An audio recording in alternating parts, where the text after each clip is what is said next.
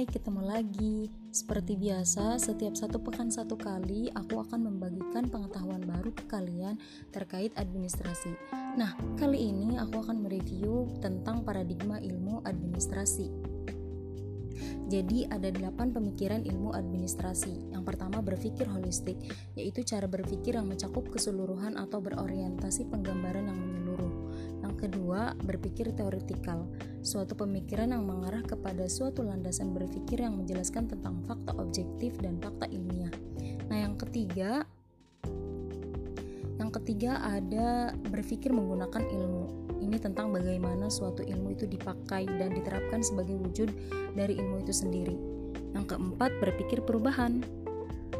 Perubahan mendatangkan pengaruh yang sangat besar tentunya dan tidak dapat dihindari oleh siapa pun dan menembus setiap lapisan masyarakat dan dunia, ilmu maupun teknologi yang sekaligus merubah cara berpikir manusia seiring dengan perubahan yang terjadi.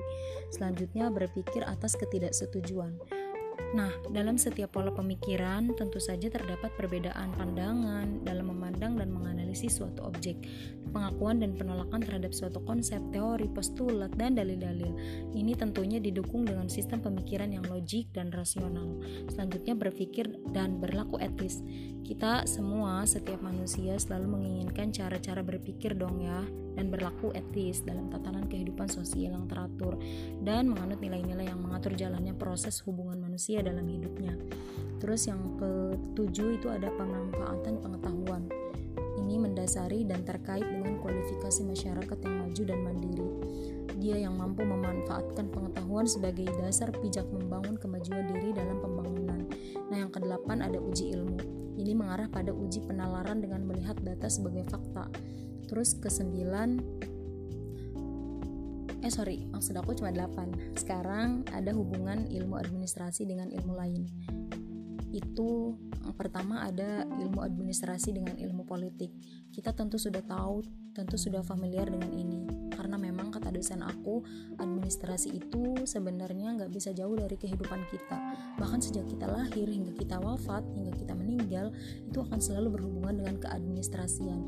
Nah tentu jelas dong dengan ilmu politik tentu administrasi ini ada hubungan Terus selanjutnya ada administrasi dengan ilmu ekonomi. Ini juga sama, udah jelas banget. Terus ada ilmu administrasi dengan psikologi, ilmu administrasi dengan antropologi, ilmu administrasi dengan etnologi, administrasi dengan sosiologi, administrasi dengan ilmu sejarah dan ada administrasi dengan ilmu dengan ilmu hukum, kemudian administrasi dengan ilmu eksak. Sistem berpikir dalam ilmu administrasi itu adalah menyadari bahwa segala sesuatu berinteraksi dengan perkara lain di sekelilingnya, meskipun secara formal, eh, formal atau prosedural mungkin tidak terkait langsung atau secara spesial berada di luar lingkungan tertentu. Nah, itu yang bisa aku share, semoga bermanfaat. Stay tune untuk episode selanjutnya.